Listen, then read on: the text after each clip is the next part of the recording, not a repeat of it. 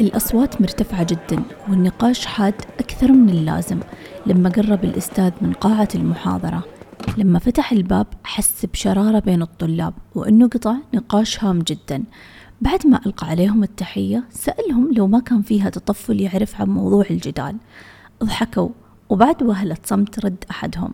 كنا نتكلم عن الطرق الفعالة لإدارة الوقت وزيادة الإنتاجية وإنجاز المهام واختلفنا في أي نظام طريقة مبدأ تقنية أو حتى أسلوب هو الأفضل وكل منا تحيز لطريقته وأسلوبه المفضل ولعلنا تحمسنا نعتذر منك يا أستاذ.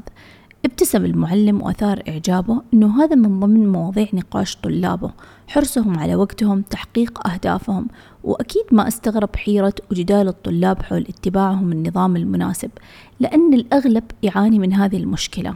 أبدى المعلم إعجابه فيهم وأكد أن اختيار النظام المناسب يتيح لنا الإدارة الفعالة للوقت وتحقيق أقصى استفادة من يومنا وإنجاز المهام بسرعة أكبر وحتى تحديد الأولويات اللي من شأنها تدفعنا لتحقيق التأثير الأكبر على كل جوانب حياتنا المهمة بالنسبة لنا. جلس المعلم على طرف الطاولة وقال لهم أبغى ألفت انتباهكم الأربع نقاط أساسية فيما يتعلق بهذا الموضوع وأبغى منكم تذكرون أنفسكم فيها على الدوام.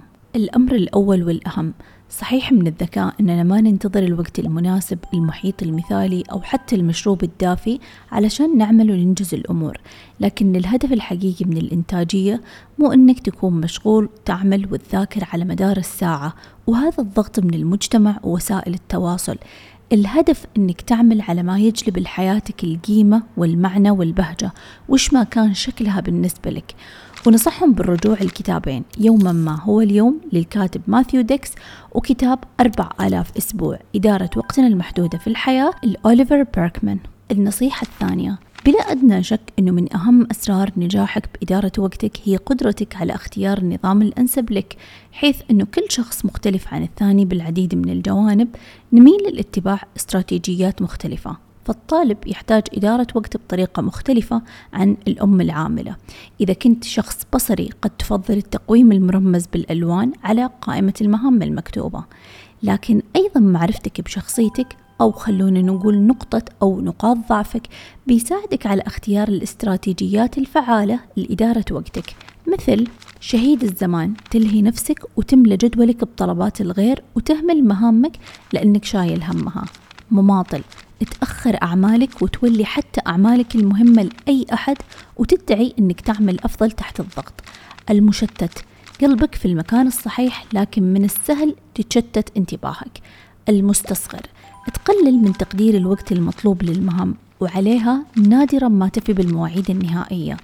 رجل الإطفاء تحاول تحل كل شيء بنفسك وتشتغل على مجموعة من المهام بنفس الوقت ومجرد ما تنتهي من أمر تسأل عن الخطوة اللي بعدها وكل هذا يقودك للإرهاق والتعب الكمالي. تبغى كل شيء مثالي تعمل وقت أطول تطمح لتقديم أعلى جودة لكن غالبا ما تعرف كيف توقف ولا وين توقف وعليها تفوت المواعيد النهائية وترهق نفسك. فمن الفطن أنك تختار نظام يساعدك بمحاربة نقطة ضعفك أو حتى لو كانت جزء من شخصيتك. أما النصيحة الثالثة بغض النظر عن النظام الأفضل بالنسبة لك لكن أحرص أنه هذه الممارسات تكون جزء منه. أولا اكتب مهامك اليومية. اثنين ابدأ بالعمل على المهام الهامة والعاجلة. ثلاثة وفر الوقت للمهام الأولوية والمهام الروتينية لكن أيضا لا تنسى فترات الراحة. أربعة الإدارة السليمة للضغط والإجهاد. خمسة الإدارة السليمة للتابعين. إذا كانت مسؤولياتك تتضمن أفراد عائلة أو مثلا فريق عمل. ستة تتبع التقدم المحرز وتحديد النقاط المعرقلة أو المؤخرة إن وجدت. أما بالنسبة للنصيحة الرابعة طلب المعلم للطلاب المشاركة بأن كل واحد منهم يذكر مهارة واحدة من مهارات إدارة الوقت. بدأوا الطلاب بالإجابة تحديد الأهداف الذكية التخطيط الفعال إدارة الإجهاد تجنب المشتتات التركيز على مهمة واحدة والقدرة على الرفض بقول لا تحديد الأولويات والتغلب على المماطلة. المعلم كان فخور فيهم وفي حماسهم. وفي غضون ثواني جت على باله فكرة ما فكر فيها مرتين. قال للطلاب أنا كنت محتار بمشروعكم لهذا الترم وفعلا كنت أفكر بموضوع هادف يهمكم يرفع من مستواكم يرجع عليكم بالفائدة. فهذا مشروعكم لهذا الترم. فتح الشنطة وطلع أقلام السبورة واتجه لها وبدأ يكتب. طلب منهم يشاركونه أسماء الطرق اللي يعرفونها وكانوا مختلفين عليها ببداية الأمر وحصروا أهم عشر طرق من وجهة نظرهم. مجرد ما انتهى من الكتابة قسم الطلاب العشر مجموعات. كل مجموعة عندها مهمتين. المهمة الأولى تجهز عرض تقديمي المدة تتراوح بين دقيقتين لأربع دقائق. شروطها كالتالي تعريف الطريقة كيف طريقة العمل أو الخطوات المتبعة أنواع الأشخاص اللي يميلون للاستفادة منها. أما المهمة الثانية ملخص عبارة عن صفحة واحدة تحتوي على التالي محتوى العرض التقديمي اللي هو التعريف وطريقة العمل والأشخاص المناسبة لهم زائد مهارات إدارة الوقت اللي يحسنها المشكلات اللي يحلها المميزات والعيوب. فيديو يشرحها بطريقة شيقة كتب مهمة وملهمة متعلقة بالطريقة إن وجدت وتطبيقات أو مواقع يمكن من خلالها تنفيذ الطريقة. وأخيرا طلب منهم التعاون وجمع الصفحات بمستند بي دي اف واحد بحيث يكون مرجع للجميع ويرفق في النظام للطلاب والموظفين لسهولة الوصول له. وإنت يا صديقي تقدر تحصل على هذا الملف مجانا من الرابط الأول في الوصف. وجاء يوم العرض والكل متحمس وطلب المعلم من المجموعة الأولى تبدأ. مبدأ بريتو ينص على أنه 80% من النتائج تأتي من 20% من الأسباب. بعبارة أخرى أنه نسبة صغيرة من الأسباب لها تأثير كبير. ومن المهم معرفة هذا المبدأ لأنه يساعد بتحديد المهام أو الخطوات اللي يجب علينا القيام فيها أولا حتى نتمكن من تحقيق أقصى أثر ممكن. كيفية عمله؟ نحدد المشكلات اللي نواجهها. بعدين ننتقل لتحديد السبب الجذري لكل مشكلة. ممكن نستعين بمنهج The Five Whys. نعين درجة لكل مشكلة. نعطي أرقام أعلى للمسائل الأكثر أهمية. بعدها نصنف المشكلات لفئات متشابهة أو المجموعات. والمجموعات اللي حصلت على أعلى الدرجات هي اللي تحتاج لحلها أولا. أخيرا نضع خطة نعمل على التركيز على أهم 20% من المهام ونبدأ العمل باتخاذ الإجراءات الأهم. مناسبة للأشخاص حلالين المشاكل أو المفكرين التحليليين. تقنية البومودورو. تستخدم بهذه التقنية مؤقت لتقسيم دراستك أو عملك لفترات زمنية. تعرف كل فترة زمنية باسم بومودورو. سميت على اسم المؤقت اللي على شكل الطماط اللي ابتكره مؤسس الفكرة. كيفية عملها. تختار مهمة تحتاج تنجزها. تضبط المؤقت لمدة 25 دقيقة. تركز على هذه المهمة اللي بين يدينك خلال ال 25 دقيقة. توقف بمجرد انطلاق المنبه. تاخذ استراحة قصيرة لمدة خمس دقائق. تستأنف العمل لمدة 25 دقيقة أخرى بعد الاستراحة. بعد أربع دورات مدة كل منها 25 دقيقة وخمس دقائق استراحة تاخذ استراحة لمدة 20 دقيقة. تكرر هذه العملية حتى الانتهاء من المهمة أو المشروع. مناسبة للأشخاص المفكرين المبدعين أو الأشخاص اللي يعانون من الإرهاق أو الملل من العمل أو الدراسة.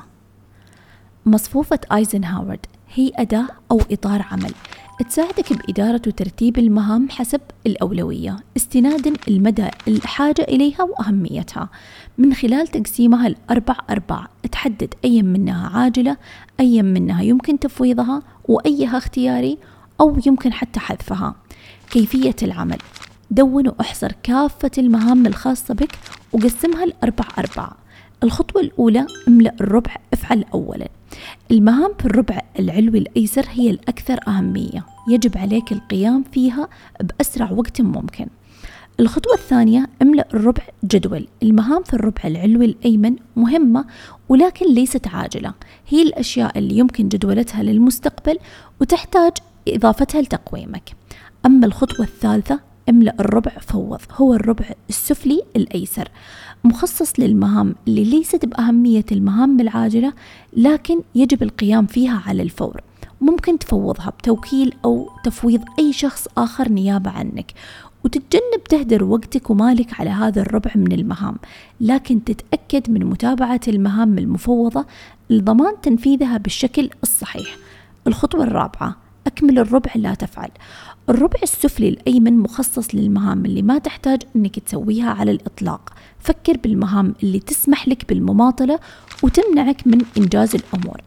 أما الخطوة الخامسة والأهم تعيد تقويم مصفوفتك على مدار اليوم. كرر المصفوفة كل ما دعت الحاجة. قد تتغير أولوياتك خلال اليوم. لا تتردد باستخدام القالب لإضافة المهام أو نقلها أو تغييرها بسرعة مع تطور جدولك الزمني. هذا إطار العمل المناسب للأشخاص اللي يشتغلون بمناصب قيادية أو المفكرين النقديين. وقت الذروة البيولوجي. هو الوقت من اليوم اللي تتمتع فيه بأحلى مستويات الطاقة من المرجح أنك تكون منتج بدراستك أو عملك ومجرد تحديده. تتمكن من تخصيص المهام الأكثر أهمية والأولوية لهذا الوقت أما عن طريقة عمله. يتعين عليك التجربة في دراستك أو عملك على مدار عدة أيام على سبيل المثال 20 يوم. تتبع أهم العوامل المؤثرة على الجودة مثل تركيزك طاقتك تحفيزك ومدى انتباهك خلال هذه الأيام.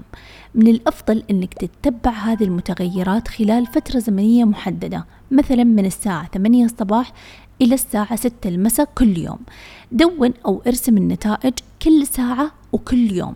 بعد مرور عشرين يوم حلل النتائج. بتلاحظ أنه في وقت معين من اليوم يبرز باعتباره الوقت اللي كنت قادر فيه على أداء معظم العمل والتركيز والإنجاز بشكل أفضل. وبمجرد تحديد الساعات الأكثر إنتاجية في اليوم خلال هذه العشرين يوم ابدأ بتخصيص مهامك ذات الأولوية المستقبلية لهذا الوقت. وخصص مهام أقل أهمية للفترات الزمنية اللي لاحظت فيها انخفاض تركيزك ومستويات طاقتك ومدى انتباهك. مناسبة للأشخاص أصحاب العمل الحر العاملين عن بعد والمفكرين المبدعين. حجب الوقت. هو أسلوب الإدارة الوقت يتطلب منك تقسيم يومك لفترات زمنية. كل فترة مخصصة لإنجاز مهمة محددة أو مجموعة مهام وينصب تركيزك على المهام المحددة فقط بدل من الاحتفاظ بقائمة مهام مفتوحة من الأشياء اللي بتكون فيها قدر الإمكان. تبدأ كل يوم بجدول محدد يحدد ما المهام اللي بتعمل عليها ومتى؟ مع تحديد الأيام المحددة مسبقا ما تضطر الاتخاذ خيارات باستمرار فيما يتعلق ما يجب عليك القيام والتركيز عليه. كل اللي عليك هو اتباع جدولك الزمني المحدد مسبقا. إذا خرجت عن المهمة أو تشتت انتباهك كل اللي عليك تلقي نظرة على جدولك الزمني وترجع للمهمة اللي قمت بحجز الوقت لها. أما عن خطوات العمل فالمرحلة الأولى هي التخطيط. بتحدد كل المهام والأنشطة وبتقيمها بحسب الأولويات. المرحلة الثانية الحظر. بتعين كل مهمة لفترة زمنية محددة بالدقائق والساعات مع أيام محددة.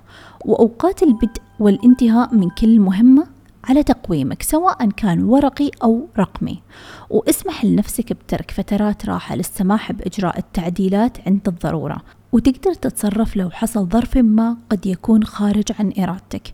أما المرحلة الثالثة هي التمثيل.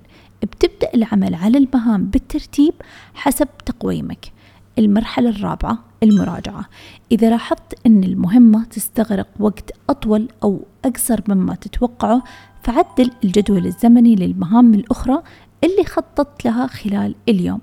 مناسبة هذه الطريقة للأشخاص الطلاب العاملين أولياء الأمور أو المفكرين التحليليين. طريقة إنجاز المهام. هي طريقة من خمس خطوات بسيطة بتساعدك خلال العملية على تنظيم الفوضى بعقلك وإنجاز الأمور عن طريق تسجيل المهام على ورقة وتقسيمها لعناصر عمل قابلة للتنفيذ. كيفية عملها؟ الخطوة الأولى دون كل المهام اللي تتبادر لذهنك. الخطوة الثانية وضح. حدد إذا كانت المهمة قابلة للتنفيذ وإذا كانت تحتوي على خطوات ملموسة يمكن وضعها ومتابعتها. بمعنى إذا كانت المهمة غير قابلة للتنفيذ تجاهلها على الأقل في الوقت الحالي. أما إذا كانت قابلة للتنفيذ قرر إما أفعلها أو أفوضها أو أأجلها. الخطوة الثالثة هي التنظيم. حدد أولويات قائمة المهام الخاصة فيك وفقا لما تحتاج إلى إنجازه ومتى. أما الخطوة الرابعة هي المراجعة. من وقت للثاني راجع قائمتك لتحديد الأولويات والمهام التالية واشطب المنجز منها وحدث قائمتك باستمرار. الخطوة الخامسة هي الانخراط. ما عليك سوى البدء في العمل على الأشياء المهمة. هذه الطريقة مناسبة للأشخاص المكافحين من أجل التركيز على شيء واحد بوقت معين أو المرهقين من المهام في حياتهم اليومية. طريقة التخطيط السريع تختصر ب RPM وتشير إلى Rapid Planning Method. يتمركز هذا المصطلح حول ثلاث ركائز وهي التركيز على النتائج التفكير في الهدف وضع خطة عمل محكمة. الفكرة وراء هذا النهج بإدارة الوقت هي تدريب عقلك على تصور ما تريد تحقيقه ويعد نظام تفكير لتحديد الأهداف طويلة المدى. كيفية العمل بطريقة التخطيط السريع. الخطوة الأولى سجل أفكارك واكتب جميع المهام. قسمها لمجموعات مثل الصحة الوظيفة العلاقات أو أي فئة أخرى مخصصة لفرز أفكارك. الخطوة الثانية إنشاء خطة ال RPM خطة قابلة لتحقيق هدفك أو أهدافك المحددة. تحتاج للإجابة على الثلاث الأسئلة التالية بالتوالي. السؤال الأول عن النتيجة ما الذي أريد تحقيقه؟ كن محدد بشأن النتيجة اللي تسعى لها. السؤال الثاني عن الغرض. لماذا أريد هذا؟ تحديد السبب يعطيك فرصة أكبر بكثير للنجاح. السؤال الثالث عن الخطة. ما الذي يجب علي فعله لتحقيق النتائج المرجوة؟ الخطوة الثالثة ابدأ العمل باتخاذ الإجراءات اللازمة وجدولة المهام. الخطوة الرابعة شكل هويتك. باختيار مصطلح هوية لكل نتيجة محددة تسعى لها. بتغير هويتك شعورك اتجاه نفسك وتخليك متحفز والأهم من كل هذا تحول تركيزك على النتيجة النهائية. الخطوة الخامسة راجع تقدمك. لا تغفل عن الاحتفال بإنجازاتك ومراجعة التقدم اللي تحرزه. مناسبة هذه الطريقة للأشخاص اللي لديهم أهداف طويلة المدى والطلاب العاملين وأولياء الأمور. طريقة كامبان. كامبان هي كلمة يابانية تعني لوحة؟ تقسم المهام على اللوحة لثلاث أعمدة متوازية أو أكثر اعتمادا على طبيعة العمل أو الدراسة. تخطط عناصر العمل الخاصة بك كبطاقات منظمة داخل هذه الأعمدة. تمثل المراحل المميزة للمشروع. على سبيل المثال لوحة كامبان بسيطة تتكون من ثلاث أعمدة فقط للإنجاز وقيد الإنجاز ومنجز. تحرك البطاقات عبر الأعمدة مع تقدم عنصر العمل خلال كل مرحلة من المراحل. طريقة العمل بهذا المنهج نختار لوحة كامبان ممكن تكون ورقية أو رقمية حسب الاحتياج والتفضيل. نقسم اللوحة لعدد من الأعمدة أو خطوات سير العمل. بنضيف البطاقات لكل المهام بالأعمدة المحددة وننقل البطاقات خلال الأعمدة أثناء سير العمل. بنراجع اللوحة. تساعد المراجعة المنظمة للوحة بأكملها على مواصلة سير العمل للأمام.